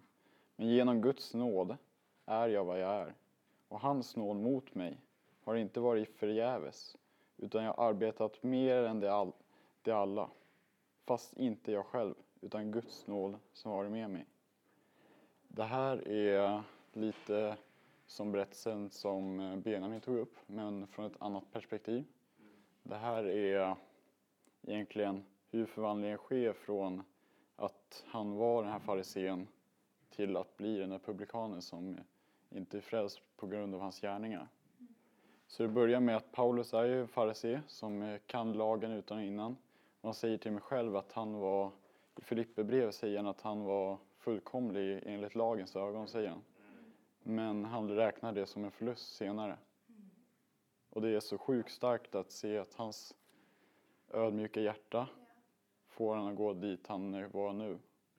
Och när man tittar på Paulus så ser man att hans resa börjar egentligen att han förföljer de kristna, är ond och bara vill döda alla som står emot den rätta läran som han säger. Så han förföljer de som och tycker, ja, tycker alla andra är dåliga för att, eh, han tycker de kristna är dåliga för att de, de för, förvränger det Gud har gjort. Och eh, när han får sitt personliga möte med Jesus så vänds där. Så att han inser vem han var tidigare och hur det, hur det formar honom. Att genom, genom den nåd han får möta och genom att han får möta Jesus så kommer den här bilden att han trodde att han var rättfärdig. Men på grund av att den han var så vart det en helt annan Paulus. Att nu är det inte på grund av vad han har gjort som han är rättfärdig, utan på grund av Guds nåd egentligen. Och han har blivit den han är på grund av Guds nåd. Så grejen är att det är egentligen perspektiv hur vi ser det här. Och det här är en liten resa som jag också har gjort. Att jag har varit som Paulus tills jag egentligen mötte Gud själv. Att när jag var liten så var jag en farisé. Jag var verkligen så här, äh, när jag var kanske 14-15 så kunde jag titta på andra och säga bara, nej jag är, jag är bättre än de där. Jag läser Bibeln och jag ber mer och fast de var egentligen äldre än mig och säkert visste mer än vad jag gjorde. Så bara, nej, de där är inte lika bra som mig utan jag är bättre än dem. Men eh, sen när man fick verkligen möta Jesus själv så kommer man från en annan bild och inser, då kan man titta tillbaka på vem man egentligen var. Och ifrån det så ser man, jag är inte så där längre. Inte på grund av mig själv, utan på grund av Guds nåd. För att jag skulle aldrig kunna gå från en farisé till en, en bara syndare frälst av nåd. Jag skulle aldrig kunna gå från det till det. Men på grund av Guds nåd så har jag fått nåden att gå, i gå till det. Och även nu så är det en resa som fortsätter i mig. Och det är något helt fantastiskt att man får göra det.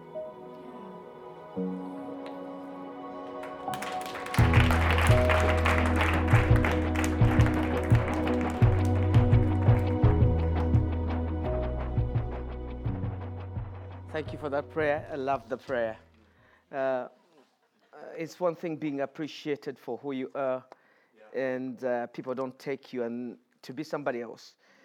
And uh, I think that's exactly what God wants us to be. We are who we are, and He knows each and everybody. That prayer was just not just from anywhere, but I think it was guided by the Holy Spirit because what I'm going to speak about and the verse I'm going to begin with is about you and me, my friend, that we are known and chosen by God. And we are in the right place today, and we, we didn't make any mistake being here. I was thinking, and that's one of the biggest teachings that I've had uh, that I did take this year, and it's been a wonderful year. I haven't been very good with my work, but believe me, sitting there and receiving in everything just showed me that I am in the right place and the right year and uh, and the right time, and what I'm, I'm doing is the right thing that I should.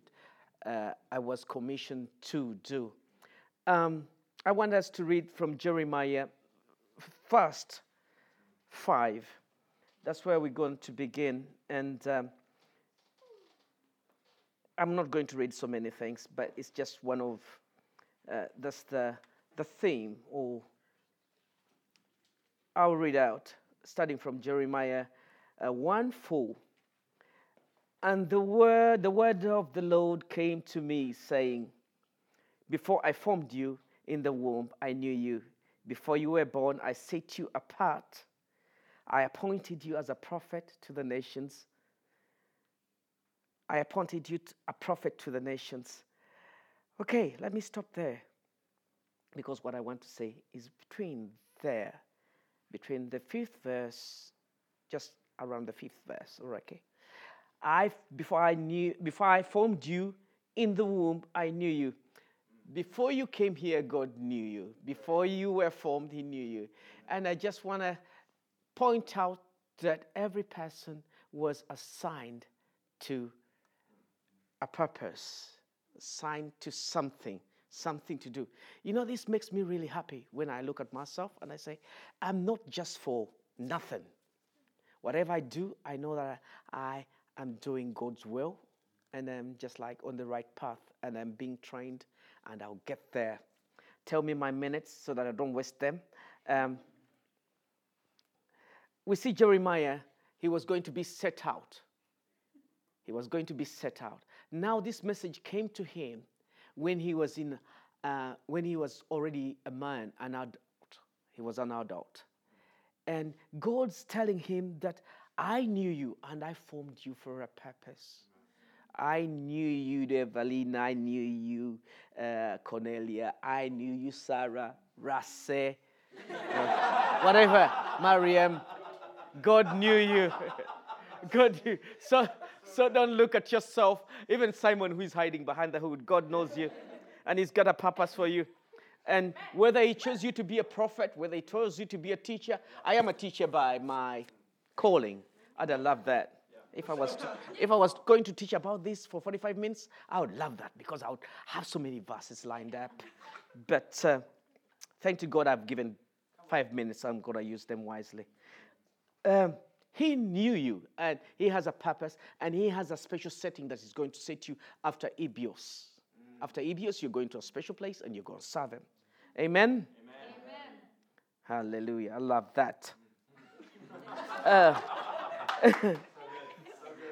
God knows us, and there's a purpose for your life. You have a calling, and you were set apart. You are a Nazarite. A Nazarite is a person who is set apart. In the Bible, if you're going to look it up or somewhere, a Nazarite is a person set apart. I always call myself a Nazarite. A Nazarite was somebody like um, Samson in the Bible didn't cut off his hair, so he was a Nazarite. He had dreads like me. So when people, so, so when people, when people tease me about my dreads, I say, well, I'm a Nazarite, set apart and known by God. Isaiah 43 1 says, I have called you by name. God calls us by name. So he knows us really and who we are because he called us and he separated us from the world. Amen. We were assigned to do his work. I want us to go to Acts 27, 22 7. And that's, that's my last verse for this special, small special preaching. Uh, uh, where he says, where he says, somebody who's found that verse, please read for me. It's hiding somewhere here. 22 7. Soul, soul, why do you persecute me? Uh huh. Have you found it? Yeah. So somebody doesn't want to read? Okay. I'll read what's in my head. Soul, soul, why do you persecute me? He called up by name. He called Saul when Saul was on his way to uh, Damascus. He was persecuting uh, Christians, killing them. But when God, when Jesus called out to Saul, he called him by name. That means that he knew him. And you know what? When the voice of the Lord comes to you, you always say, Lord, who are you? You know, when Saul fell down on the ground, he said, Lord, who are you? And I'm just like, how did he know that he was the Lord?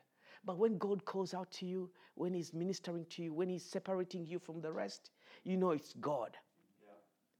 You know it's God. You say, God touched me, and I turned away from everything that I was dying, I was doing, and I followed Him. You knew the voice. That means that God, you have an assignment. And He was like, on that day when I come in that special time, and I call you, you will know my voice. My sheep know my voice. That's what the Bible says. So he was like, Lord, who are you? And he said, Go to such a place and you have an assignment to do. I'm sending you to the Gentiles. And today you've been equipped, and he's sending you out there in the world to Korea. Maybe you'll go back there. To Uganda, Mama Africa, maybe she will be there again. to the Maasai land. Maybe she'll be there again. He's calling us to go out in the world to preach His word because we were called to serve and we are just here. I'm just saying that our purpose, our purpose in our life is to preach the gospel and we were assigned, pre assigned. And He chose us. We are chosen. We are the chosen generation. God bless you.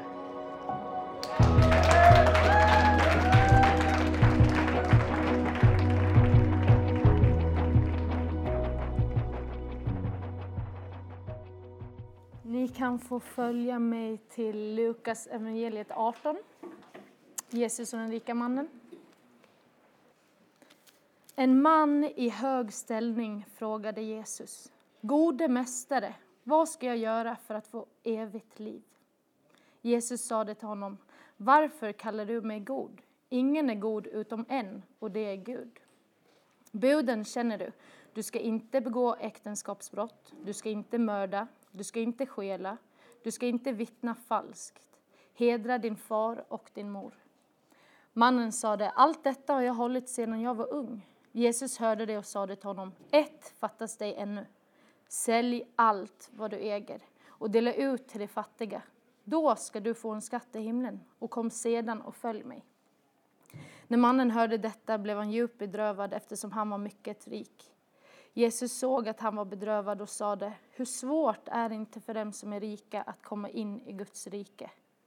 Det är lättare för en kamel att komma igenom ett synhållsöga än för en rik att komma in i Guds rike. De som hörde detta frågade, vem kan då bli frälst? Han svarade, det som är omöjligt för människor är möjligt för Gud. Då sade Petrus, se, vi har lämnat det vi ägde och följt dig.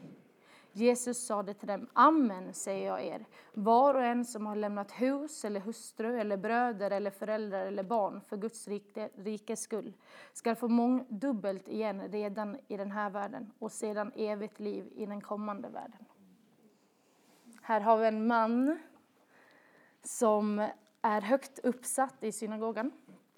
Eh, jag får en känsla av att det är en man med både koll och kunskap i hur man är en Guds man. Eh, han följer buden och han vet alla regler. Eh, men Gud pekar på hans hjärta. Och han frågar Vart är ditt hjärta och vart är jag i ditt liv? Gud vill alltid peka på områden i våra liv där vi inte sätter honom först. Och den här texten för mig är väldigt mycket eh, inte bara om pengar utan det finns alltid områden i våra liv där vi känner oss bedrövade om Gud hade bett oss att lämna det för honom. Och det kan vara allt, och familjer, ja, relationer, drömmar um, och pengar som sagt var.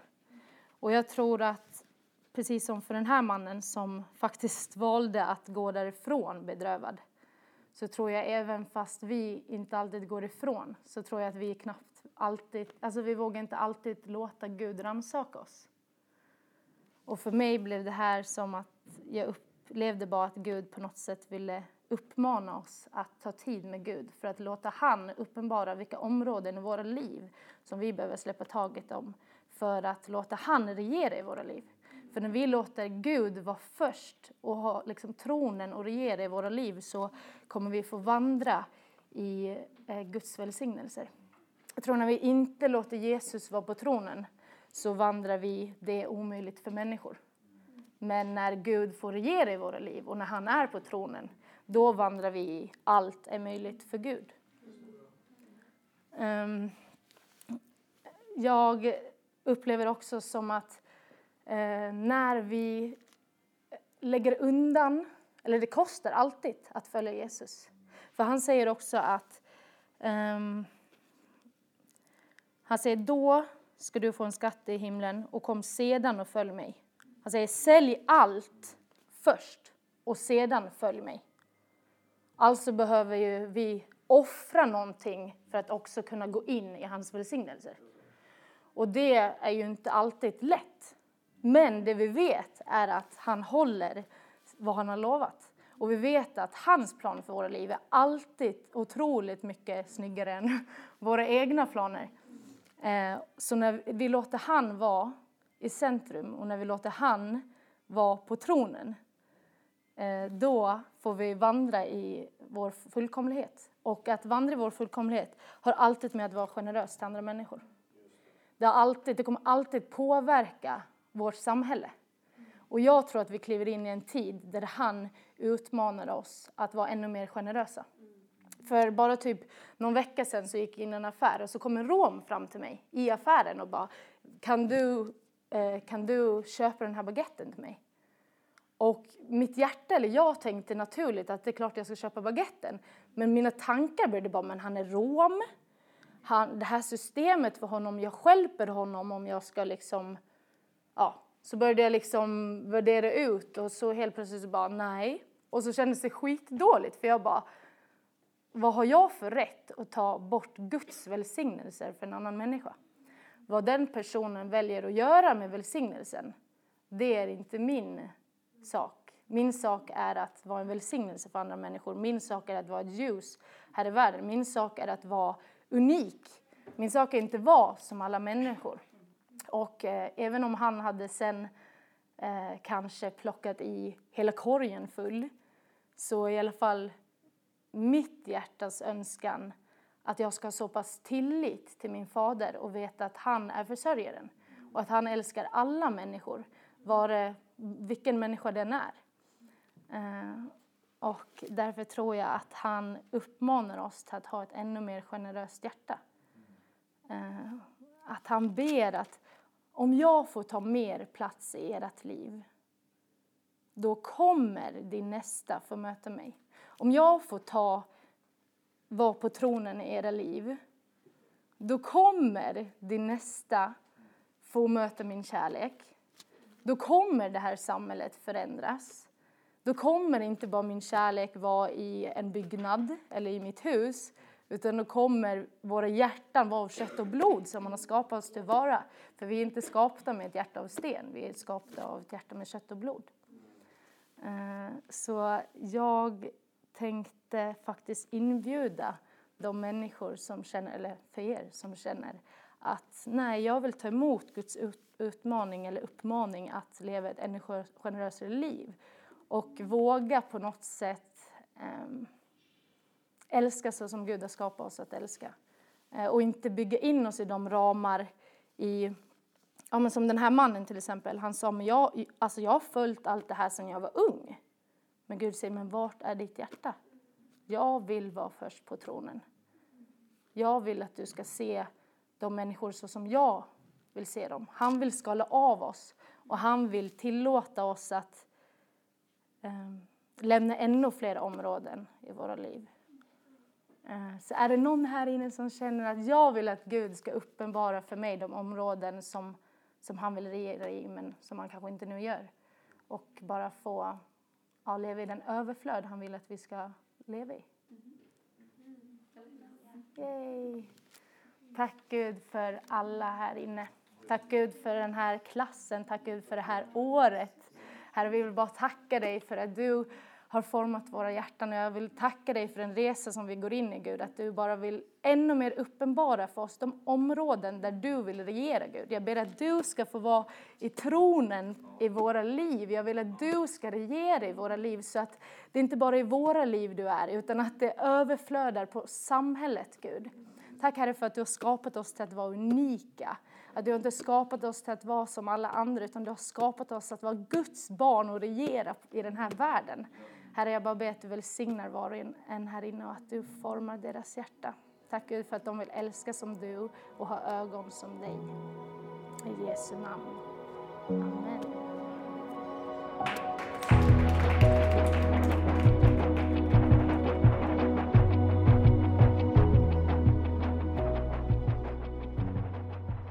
Yes. Ja, jag tänkte prata lite om, från att man får ett löfte till det att det verkligen går i uppfyllelse och den här gråzonen mitt emellan. Eh, där kan man gärna bli lite otålig eh, och tappa hoppet. Att, eh, här fick ju, de fick ju ett löfte om att de skulle få den helige Ande. Eh, och Eh, liksom i väntan då tills att de verkligen får den helige Ande. Det, det kan vara en jobbig tid och, och man, man, man vet ju som sagt inte, det, det, var inte upp till oss att veta om, om de får det liksom om en timme eller om de får det om 20 år. Och det är så här, ja, sen vi kan ju titta tillbaka på det och vi ser ju verkligen att ja men, ja men det är klart de fick den helige Ande, det tog 40 dagar, so what liksom. Men de, efter 39 dagar där så kan ju de ha tappat hoppet liksom.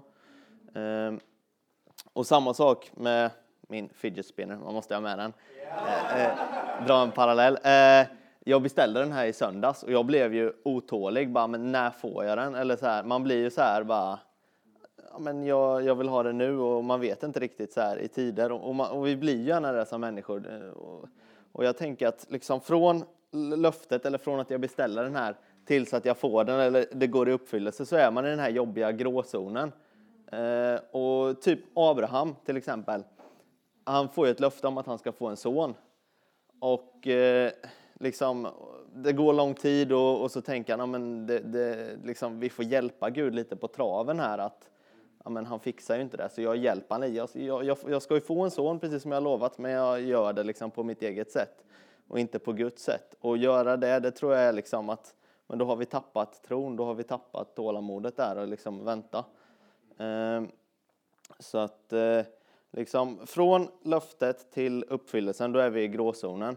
Och där tror jag många av oss är.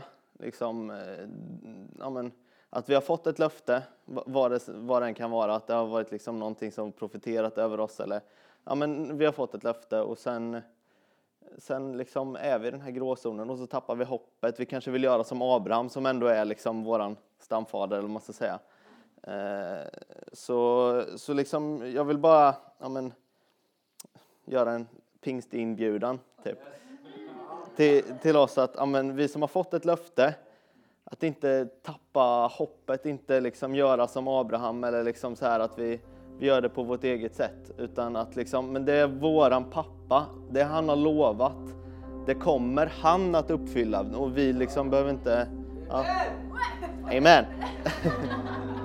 Så, så att, eh, ja men, eh, om det är någon av oss här inne som liksom känner att ja, men jag börjar tappa hoppet nu på att ja, men jag fick ett löfte, det var liksom, ja, men, men nu liksom, ah, vi börjar tvivla lite. Att, ja, men, är, är det verkligen, var det verkligen rätt då? Eller liksom, för det är lätt hänt, men att liksom, det kommer han att uppfylla. Och vi, det är inte våran sak att veta när, men han kommer göra det. Och det är det vi kan vara säkra på. Liksom, jag har ju min brorsa om, om jag får ett löfte att liksom han, han kommer bli frälst och sen går det fem år, men jag kan fortsätta be för att jag vet att han kommer en dag. Han kommer liksom komma hem till pappa igen. Och, då, och inte tappa hoppet där liksom, oh, men Gud, vad gör du? Ja. Så jag, jag, tänkte bara om det är någon här inne som har fått ett löfte men börjar tappa hoppet så skulle jag bara vilja att vi gör en pingst. Vi, vi, behöver, vi, vi behöver inte släcka ögonen utan vi bara räcker händerna. Ja. ja, älskade Jesus. Jag bara ber dig om, alla, jag vill bara tacka för alla händer här och, och, och alla löften som du har gett. Och eftersom du har gett de här löftena så vet vi att du kommer att uppfylla dem. Tack för det pappa.